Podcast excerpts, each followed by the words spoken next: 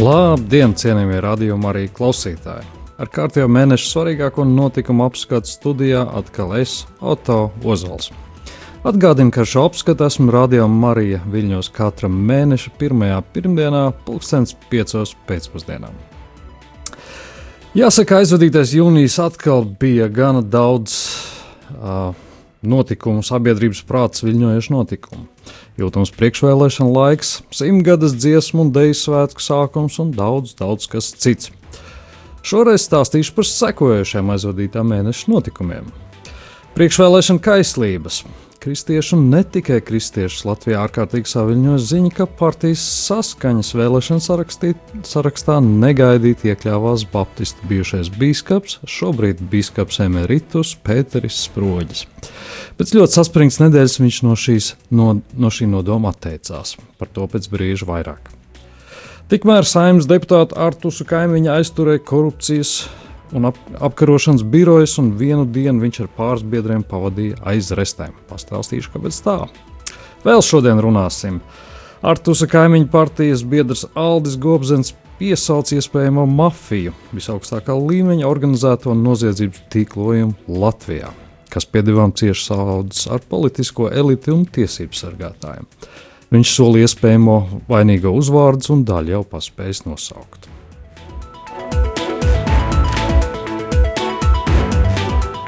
Zinu, ka plašsaziņas līdzekļiem, žurnālistiem, mēdījiem tiek pārmest pārlieka koncentrēšanās uz sliktajām ziņām. Te jānorāda, ka ziņas ir ziņas, un tās nevar dalīt sliktajās un labajās. Klausītājiem ir tiesības zināt visu, un pašiem spriest, kas ir labs vai slikts. Tomēr žurnālistu uzdevums ir profesionāls sajust līdzsvaru un nekoncentrēties uz vienu vai otru, tā teikt, neiebraukt grāvī. Tāpēc arī runāšu arī par ziņām, kas saistās ar labo. Tā piemēram, Šomēnes uzzinājām, ka reimigrācijas pasākumi ir devuši arī pirmos rezultātus. Piedāvām labus.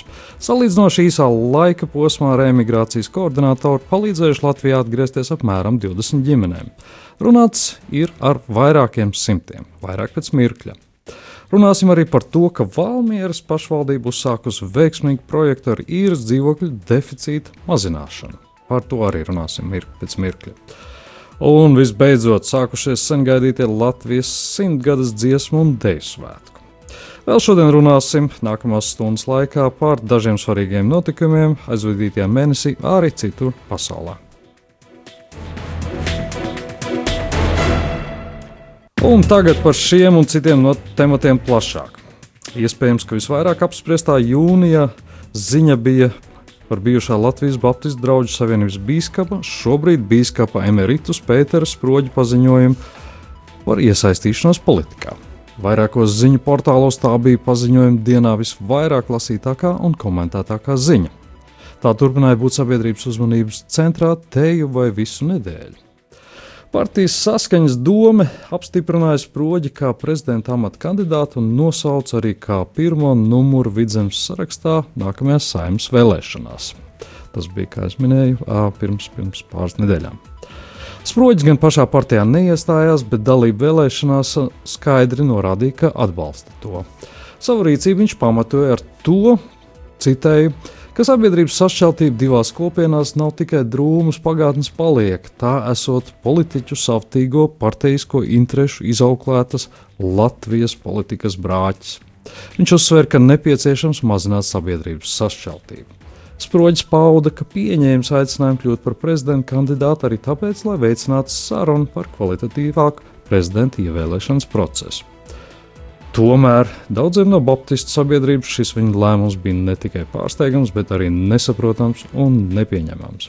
Viens no redzamākajiem Baptistu teologiem, Ilmārs Hiršs, izplatīja paziņojumu, kurā bija teikts, citēji, Šajā nedēļā Latvija pāršalca ziņu par mūsu savienības bijušā biskupa Pētera Sproģa pēkšņo un negaidīto iesaistīšanos politikā, un vēl vairāk par pieslēgšanos partijai, kuras ideoloģijas pārstāvji ir nodarījuši daudz posta un sāpju latviešu tautā iet kopā ar tiem, rakstīja Hiršs, kur okupācijā dzīvojam pusgadsimtu, tas mums daudziem bija ļoti negaidīti, pārsteidzoši un varētu teikt pat šokējoši, un radīja lielu neizpratni un saviļņojumu gan sabiedrībā, gan arī mūsu draudzēs. Tā Ilmārs Hiršs. Viņš savā atklātajā vēstulē sproģim lūdzu pašam atbildēt uz sekojošiem jautājumiem. Vēl jau vairāk par dieva aicinājumu ir ne tikai jādomā, bet to nepārprotami ir jāsajūt savā sirdī, ja turpmākā darbība ir saistīta ar ļaudīm, kuri latviskajā vidē netiek vērtēti pozitīvi. Vai Dievs sūta mani? Tā Hiršs lūdza sproģim jautāt pašam sevi. Vai Dievs sūta mani tieši šajā vidē darboties? Vidē, kuras pārstāvju pagātnē ir nodarījuši daudz postu un sāpju mūsu tautē. Vai šo cilvēku uzskatu un darbība man ir pieņemama un es varu tos atbalstīt? Vai es iešu kopā ar tiem, kuri joprojām dzīvo tajā ideoloģijā, kas mūsu vecākus un vecākus aizsūtīja uz Sibīriju un mūsu pašu tautu, un mūsu pašus kā tautu pusgadsimtu turēja verdzības jūgā? Un gal galā šeit nav runa par evaņģēlijas sludināšanu šajā vidē, bet par politisku mērķu sasniegšanu. Tā savā paziņojumā norādīja Baptistu teologs Ilmārs Hiršs. Kā nosacīta atbilde, Hiršam sproģis publicēja rakstu ar nosaukumu Nodevēja grēksūdzu. Tiesa, grēks viņš tajā nesūdzēja, bet mēģināja vēlreiz skaidrot savu rīcību. Viņš rakstīja, Partijā saskaņa esmu iepazinies ar cilvēkiem, kuriem ir svarīga mūsu valsts nākotne. Šajā partijā ir latvieši, arī citu tautību pārstāvi, kur cits ar citu sarunājas latviešu valodā. Man kā cilvēkam ar mācītāju pieredzi vienmēr ir bijis svarīgi veidot dialogu gan ar saviem, gan ar svešajiem. Es uzskatu, ka uzaicinot mani, šī partija vēlas paplašināt savu idejisko platformu, piesaistot domājošu, darboties gribošu un varošu Latvijas inteliģenci, pie kuras pieskaitu arī sevi. Tā norāda Sproģis savā rakstā. Turpinot, Sproģis raksta, tā kā es patiesi no sirds vēlos, lai zemē, kur es mīlu, situācija mainītos uz labo pusi. Cilvēki, kuri mani, Sproģis saka, patiešām pazīst, var apliecināt, ka es neliekuļoju. Es pieņemu šīs partijas uzaicinājumu piedalīties vēlēšanās. Tā Sproģis rakstīja savā nodevēja tā saucamajā uh, Greksūdzē. Tajā pašā laikā viņš atzina, ka notikušais ir radījis lielus pārdzīvojumus viņa ģimenē, ko tajā pašā vēstulē arī atzina. Tikko šī ziņa kļuva publiska, Sproģis raksta, mana līdzšinējās dzīves pasaule gandrīz vai sabruka. Vienā mirklī es daudziem kļuvu par nodevēju, un tikai slinkais nav iemetis man ar akmeni. Arī es pats sāku nomētāt sev ar akmeņiem. Pēdējās nedēļās ir bijuši Pēdējās nedēļas ir bijušas pārdzīvojumi pilnas arī manai mīļotai sievai Martai, norāda biskups Sproģis, kura dzirdot apkārtējo cilvēku viedokļus un bieži vien arī nosodījumu, baidās par to, ka cilvēki man nekad vairs nesapratīs, jo es, liekot pēdiņās, grasos pārdot Latviju. Vēstules noslēguma daļā Sproģis tomēr paziņoja: Mūsu valsts ar vien dziļāk grimst problēmās, un gaišā nākotne kļūst ar vien grūtāk saskatāma. Tāpat kā mūsu bērni, kur aizbēg aizvien tālāk un uzreiz pēc skolas pabeigšanas. Aizbēg no mūsu zemes, kur tik ļoti mīlam, bet kurā neredzam nekādas nākotnes perspektīvas. Bet mēs, tik gudri un izglītoti cilvēki, apspriežam, nosodam, visu saprotam jau no ziņu virsrakstiem. Zinām visu labāk par visiem, bet nepiedalāmies. Tās proģis vēstulē teica. Tomēr viņš turpināja ar vārdiem: Es piedalīšos. To viņš uzrakstīja ar lieliem burtiem. Varētu arī turpmāk uzskatīt par man, mani par nodevēju. Te jāsaka, ka sociālajos tīklos daži politiķi un daži arī pat ticības brāļi viņu tieši šādā vārdā arī nodēvēja. Aizmirstot, Bībelē rakstīto, to nebūs tiesāt. Tomēr pēc pāris dienām sproģa domas mainījās. Sociālajā tīmeklī Facebook viņš publicēja vēl vienu pārdomu pilnu paziņojumu, kurā atzina, šajā procesā vara nekad nav bijis mans pašmērķis. Man vēlme ir un būs kalpot Latvijas tautai ar to pieredzi, zināšanām un spējām, kas man ir dotas. Es redzu, ka valstī ir daudz akūtu problēmu, kuras prasa steidzamu risinājumu. Es gribēju iet ātri un darīt, ko varu tā raksta sproģis un turpina. Tomēr, lai spieti, spētu iet tālu, man nepieciešams iet lēnām. Es zinu, ka pēc šī paziņojuma atkal izskanēs dažādi viedokļi, visi zinās par mani visu labāk nekā es pats. Savu izvēli esmu izdarījis pats, ejot pa savas sirds ceļu. Esmu pārliecināts, ka mans sarežģītais lēmums iet tālāk un lēnāk ir labākā dāvana, ko var pasniegt sev un savai ģimenei savā dzimšanas dienās. Tā viņš rakstā, rakstīja savā Facebook profilā, un tiešām tā bija viņa dzimšanas diena. Un tad sekoja pats galvenais viņa paziņojums, kurā viņš rakstīja. Pateicoties par man izrā, izrādīto cieņu, es nolieku savu valsts prezidenta kandidātu nomināciju un atsaucu savu piedalīšanos vēlēšanos. vēlēšanās. Līdz ar to sproģis atsauc arī atbalstu šādā veidā partijai saskaņa. Protams, ka kristiešu vidē šis notikums izraisīja plašu viļņošanos, pats skarbi tiesājošs vārdus, pārmetums un no dažiem cilvēkiem arī neslēptas dusmas. Tomēr kopumā Baptistu vidi saglabāja savu vienotību. 24. jūnija dievkalpojumā Rīgas Agnēskāna Baptistu draugzē mācītājs Edgars dievkalpojumā runāja par izpratni, par spēju saglabāt brāļu un māsu mīlestību arī grūtos pārbaudījumu mirkļos, par spēju ieklausīties, cienīt vienam otru un spēju saglabāt pazemīgu kristiešu attieksmi arī satraucošos brīžos.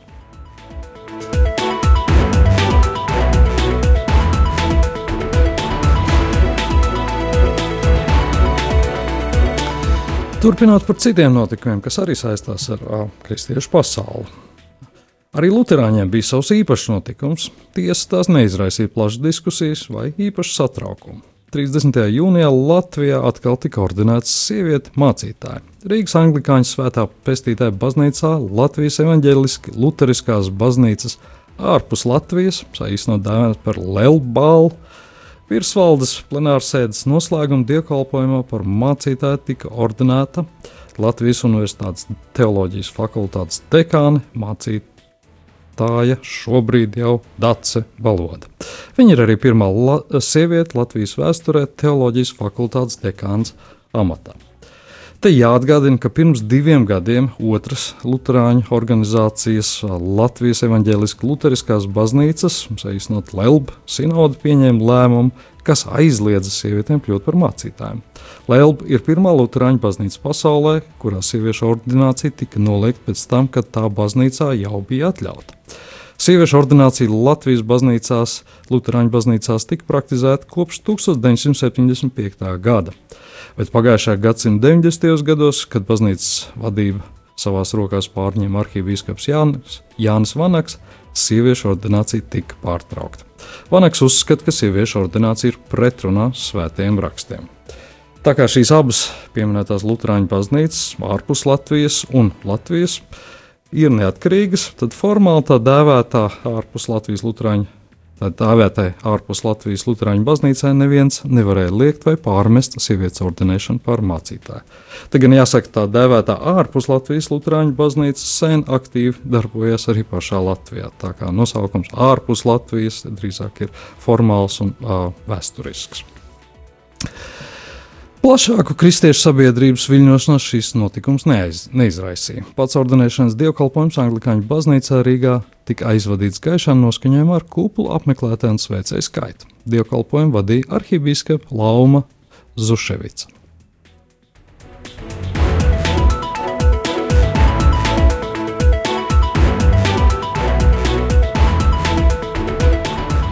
Turpinot par aizvadītā mēneša svarīgākajiem notikumiem. Saimnes namā jūnijā norisinājās kas ļoti sen neredzēts.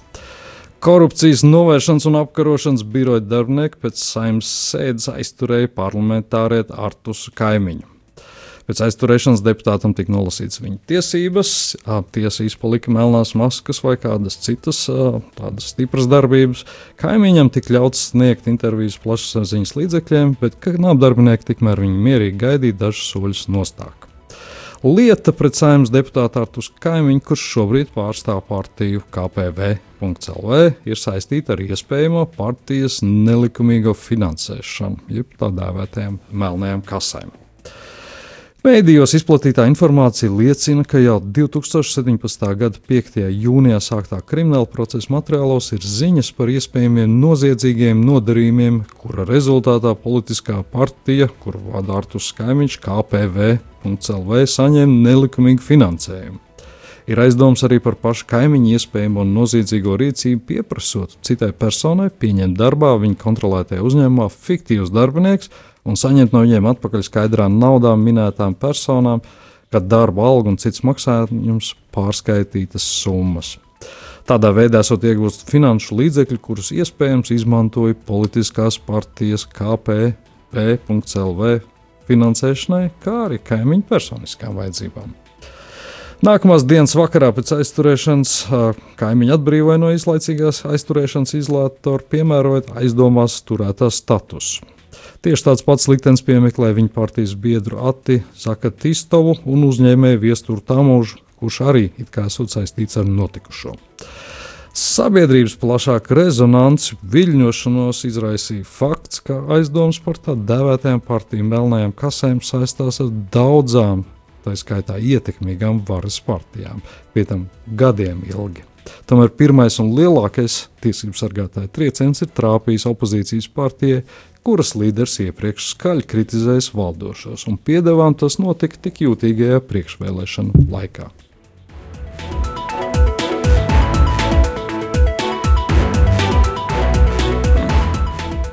Jāsaka, ka kaimiņa partijas KPV.CLV politiķi šobrīd ir viena no aktīvākajiem dažādu satraucošu un skaļu paziņojumu izplatīšanā.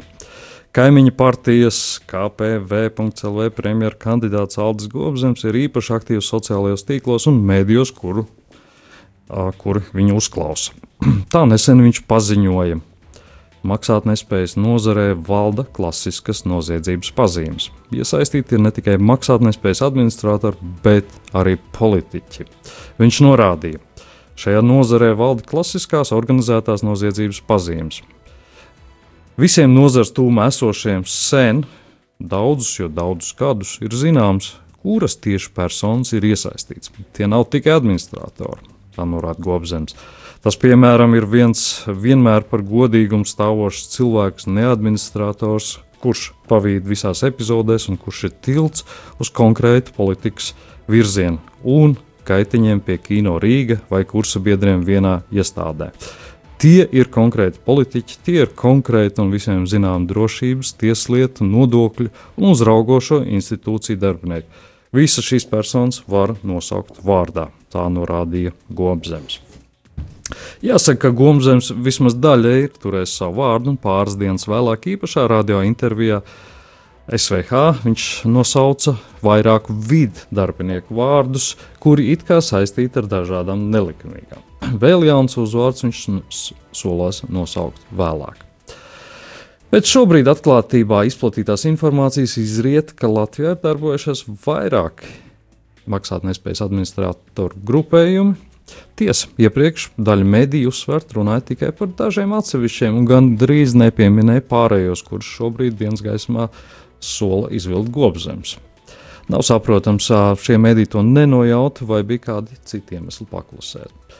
Šobrīd uzsveru vēl nav īsti skaidrs, cik visas šīs ziņas ir droši ticams un vai tas nav pašmērķīgs melnās politiskās kampaņas sastāvdaļa. 27. jūnijā pats ministra prezidents Mārs Kučinskis atzina, ka tik melnu priekšvēlēšanu periodu, kāds tas būs šogad, Latvija vēl nekad nav piedzīvojusi. Viņš atzina, ka šis vēlēšana gads iezīmēsies ar to, ka tiks pielietoti daudzi jauni paņēmieni, kas iespaidos Latvijas iedzīvotāju prātus. Tāpēc, pēc Kučinska prognozēm, tik melns priekšvēlēšana periods Latvijas vēsturē vēl nebūs bijis.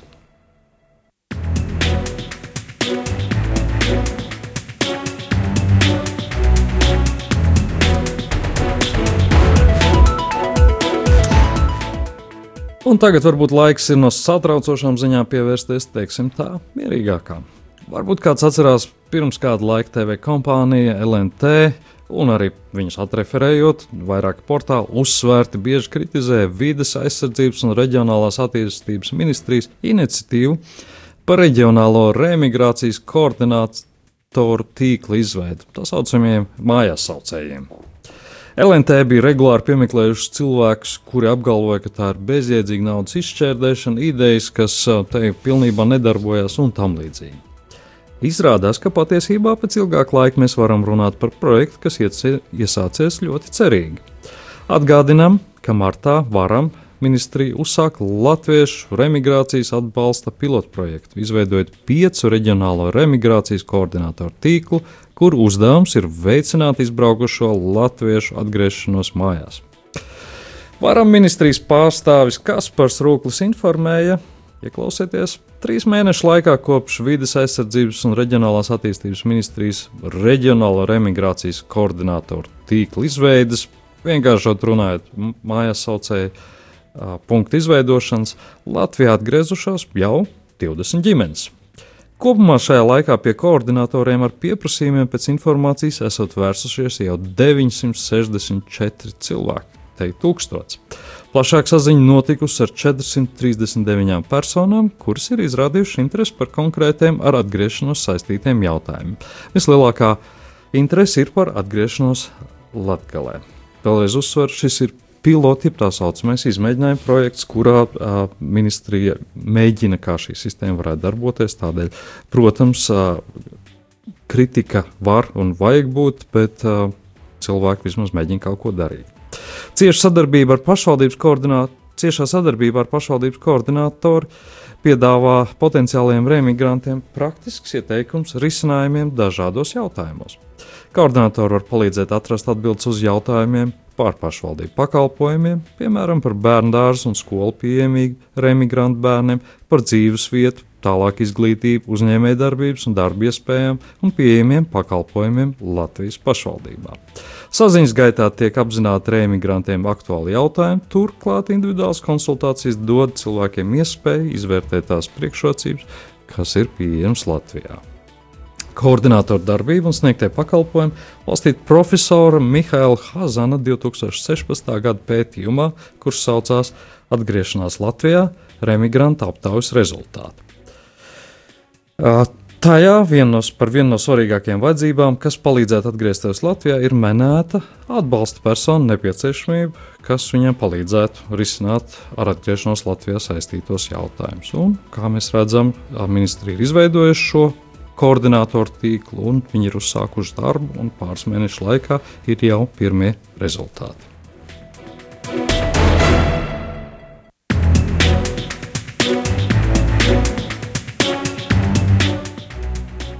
Kā jau iepriekšējā mēneša notikuma apskatā jūnijā stāstīja, valdība ir izsludinājusi 2018. gadu arī par goda ģimeņa gadu.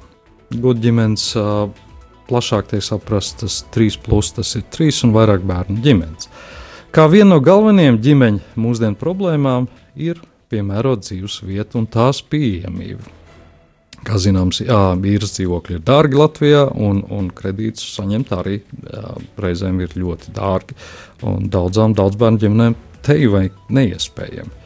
Valdība tiesa ir daudz darījusi, lai ar jaunajām altuma finanšu programmām šos kredītus padarītu pieejamākus, īpaši jauno mājokļu iegādē. Šobrīd tiek turpināts sarunas ar bankām, lai jauniem cilvēkiem un īpaši ģimenēm ar bērniem tiktu palīdzēts vēl vairāk. Tomēr vēl viena problēma ir nesamērīgi augstās īres maksas daudzviet Latvijā. Īpaši reģionos ir akūts īres māju vietu trūkums. Tas spiež cilvēku cilvēkus, īpaši jaunās ģimenes, vēl vairāk pamest savas dzimtās mājas. Bet investori un uzņēmēji vairāk nākt uz reģioniem, jo trūkst strādājušo. Šo abortu apli pārcirst sākusi Valmieras pašvaldība ar mēru Jānu Birku priekšgalā. Valmiera ir pirmā pilsēta valstī, kur pašvaldības kapitāla sabiedrība īstenojusi ieceru būvēt īres namus. Nesen Nesen kā eksploatācijai ir nodots 150 īres dzīvokļi, bet pēc domas aplēsēm ties būtu nepieciešami vēl tūkstoši dzīvokļi, lai apmierinātu pilnīgi visu pieprasījumu. Pirks norādīja, valstī būtu kaut kas steidzami jādomā, lai veicinātu, jo esošais dzīvojamais fonds tāpat nolietojās, un mēs skatāmies arī no jauniem cilvēkiem, kur viņi labprāt gribētu dzīvot. Būtu nepieciešama ļoti strauja attīstīšana un jauna dzīvojamā fonda radīšana, lai būtu iespējas šeit palikt, dzīvot un būtu labi apstākļi tam. Tā viņš norādīja Valmieras mērs Jānis Pirks. Novērotās tendences, to arī izpētījusi ekonomikas ministrijas, ka pieprasījums pēc dzīvokļiem reģionos ir liels, bet ir ļoti, ļoti maziņš piedāvājums. Diskusijās par šo problēmu iesaistās arī nevalstiskās organizācijas, tā skaitā Nākotnes fonds, kuras uzsver, kamēr netiks atrisināt mājokļu pieejamības problēma, tiks bremzēta arī iepriekš minētā remigrācija un demogrāfija. Risinājumi ir zināmi, pats galvenais ir ātrums un jāudara kādu likumdevēju, proti, saima, valsts un pašvaldību līmenī spēs risināt šo problēmu. Ja viņi to nespēs, čamāsies un vilcināsies to risināt, tad, diemžēl, mums būs jāskarās ar vēl lielāku iedzīvotāju skaita kritumu. Te jāatzīmē, ka pieaugot īres dzīvokļu skaitam, kā tas ir Valmīras gadījumā, par saprātīgu īres un apsaimniekošanas maksu mazināsies arī cenas pārējā īres dzīvokļu tirgū. Valmīras pašvaldība šobrīd ir viens no ledlaužiem šajā jautājumā. Te gan jāsagaida, kad saimnes deputāti sakārtos likumu lielo likumu par īres dzīvokļiem, jo pašreizējais ir tik nepilnīgs, ka ilgstoši bremzēs šo būtiskā jautājuma risinājums. Kopumā demogrāfijas lietu centrs, kuru vada deputāts Imants Parādnieks, ir iecerējis izstrādāt plašāku mājokļu politikas programmu. Pamatmērķis ir izdarīt visu, lai Latvijas cilvēkiem būtu plašas iespējas iegādāties vai īrēt labas dzīvesvietas pār saprātīgām cenām.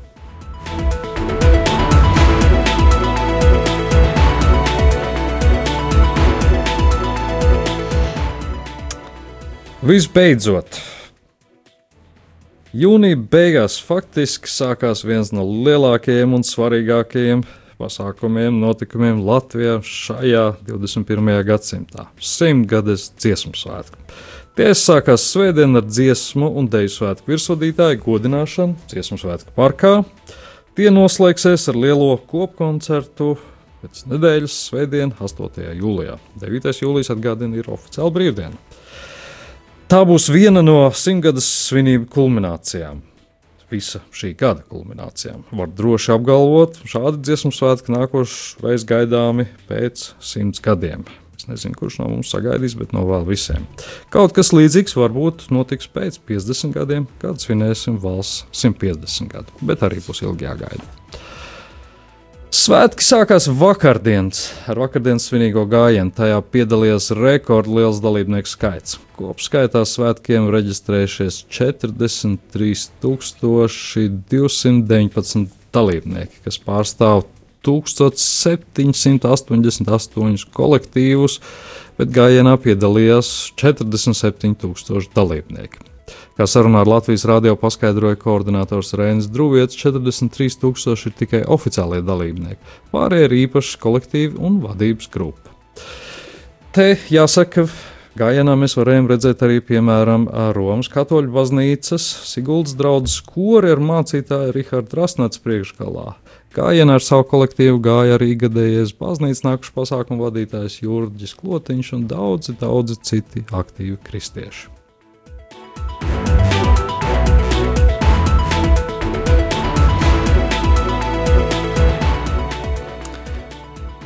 Interesanti, ka dziesmu svētku priekšvaru vakarā lasītājiem tika atklāta arī saruna grāmata ar komponistu Mārtiņu Braunu. Tās nosaukums ir zīmīgs - Saule, punkts, Mārtiņš, punkts, Daugava. Viņš uzsver, ka pats grāmatas par sevi neraksta, tas ir sarunas ar viņu, kurās viņš stāsta par savu dzīvi un par savām pārdomām. Grāmatā ir arī nodaļa par viņa ticības pieredzi un ceļu Viņš sevi apzinās kā kristietis un grāmatā atklājās arī kā dziļš domātājs par kristīgiem jautājumiem. Viņš atklāja, ka īpašu spēku savulaik ir smēlējis no Latvijas dzinieces Broņislavas Mārtuževas dzējas, kas dziļi sakņojās kristīgajā ticībā. Brauns grāmatā arī stāst par savu pazīstamo skaņdarbu Raņa vārdiem Saule, Pērkons, Daugava. Komponists norāda, ka tas ir stāsts par Latvijas pagātni, nevis ticības izvēlēm. Brauns norāda, ka vienmēr ir uzskatījis lūgšanu Dievs svētī Latviju par īsto un patieso Latvijas himnu.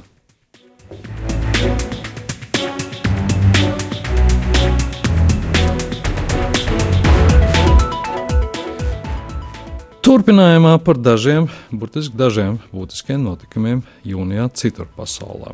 Laikraksts Latvijas avīzes, Latvijas avīze nesen norādīja uz kādu ļoti svarīgu lēmumu, kas skar visu Eiropas Savienību, protams, arī Latviju. Tas skar sasāpējušo migrantu jautājumu. Burtiski pirms pāris dienām, kā rakstā avīze, pēc apmēram 12 stundu ilgām diskusijām, agrā rītā, 4.30. Četrās ES valstu līderi Briselē panāca vienošanos par risinājumiem migrācijas jautājumos. Uh, no savas puses var piebilst, ka man ir aizdoms, ka šādu saspringtu darbu kārtību izvēlējās Angli, uh, Vācijas kanclere Angela Merkele. Viņai patīk strādāt līdz pat rītam, tādā veidā nogurdinot savus oponentus. Bet drošas ziņas nav, vai tieši viņi uzspiež šādu darbu, saspringtu darbu kārtību. Vienošanās paredz, ka no Eiropas Savienības budžeta tiks finansēti tā saucamie centri, kuros izskatīs vidusjūrā izglābto patvērumu pieprasījumus. Un valstis tos varēs veidot pēc brīvprātības principa. Atgādina, ka vidusjūra šobrīd ir viens no centrālajiem nelegālo migrantu ceļiem uz Eiropu. Katru gadu šādā veidā noslīkst vairāk tūkstoši cilvēku. Tāpat būtiski, ka Eiropas, būt, ka Eiropas Savienība pētīs iet, iespējas atvērt tā saucamās reģionālās izkāpšanas platformas otrā pusē jūrā, Ziemeļāfrikas valstīs. Tajās varēs pieteikties patvērumam, tomēr drīzāk tā ir iespēja potenciāliem migrantiem apdomāt, vai patiešām nepieciešams doties uz Eiropu un arī iespējams mazinās cilvēku kontrabandistu rūpalu. Jūtams, ka Eiropas Savienībā, tā raksta Latvijas avīze, ir vēlme pamatīgi apdrošināties pret to, lai neatkārtotos 2015. gada bēgļu krīze. Turklāt labi parādās Vācijas un citu lielo valstu intereses. Vienošanās plānu ierobežot, uh, vienošanās plāno ierobežot tā saucamo sekundāro migrāciju. Tas ir, kad patvērumu meklētājs uzņem vienā valstī, bet viņi vēlāk dodas uz citu Eiropas Savienības valsti. Vācija migrantiem no tuviem austrumiem un Āfrikas ir kā tāda laimes zeme. Tāpēc daudz vēlās nokļūt tādās vairāk pārticīgās Eiropas Savienības valstīs kā Austrija, Nīderlande un Zviedrija. Latvija daudziem patvērumu meklētājiem pēdējos gados ir bijusi kā vārti, jeb tranzīta uz turīgākām Eiropas Savienības valstīm. Tagad to plānots ierobežots. Pagaidām gan vēl nav skaidrs, kā šīs un citas vienošanās punkti tiks piemēroti praksē. Eiropas Savienības pieredze ir jau pierādījusi, ka patvērumu, patvērumu meklētāju uzņemšanā nepastāv zelta recepts, kurš attiecinātu uz visām dalību valstīm. Tā varētu būt um, svarīgākā ziņa Eiropas mērogā.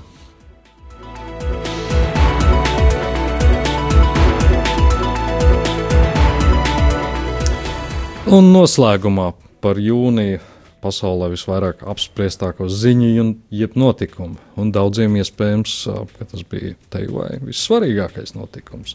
Tāds notikums, kas vieno ticīgos un neticīgos, bagātos un nabagos, sievietes un vīriešu, partijas saskaņu atbalstītājs un neatbalstītājs, eiropiešus un amerikāņus. Uh, es pieņemu, ka Ziemeļkorejieši un Dienvidkorejieši, kaut gan es nezinu, vai Ziemeļkorejā ikurāt uh, viņiem ir pieejama šī ziņa, Iespējams, ka šis notikums vieno pat citādi visnesamierināmākos pretiniekus. Protams, ir cilvēki, kas par to neinteresējas, bet man ir aizdoms, ka uz planētas Zemes šobrīd tādu nav daudz. Kā jūs domājat, par ko es runāju? Protams, runa ir par pasaules čempionātu futbolā. Kāda būs rezultāti? Skatieties paši!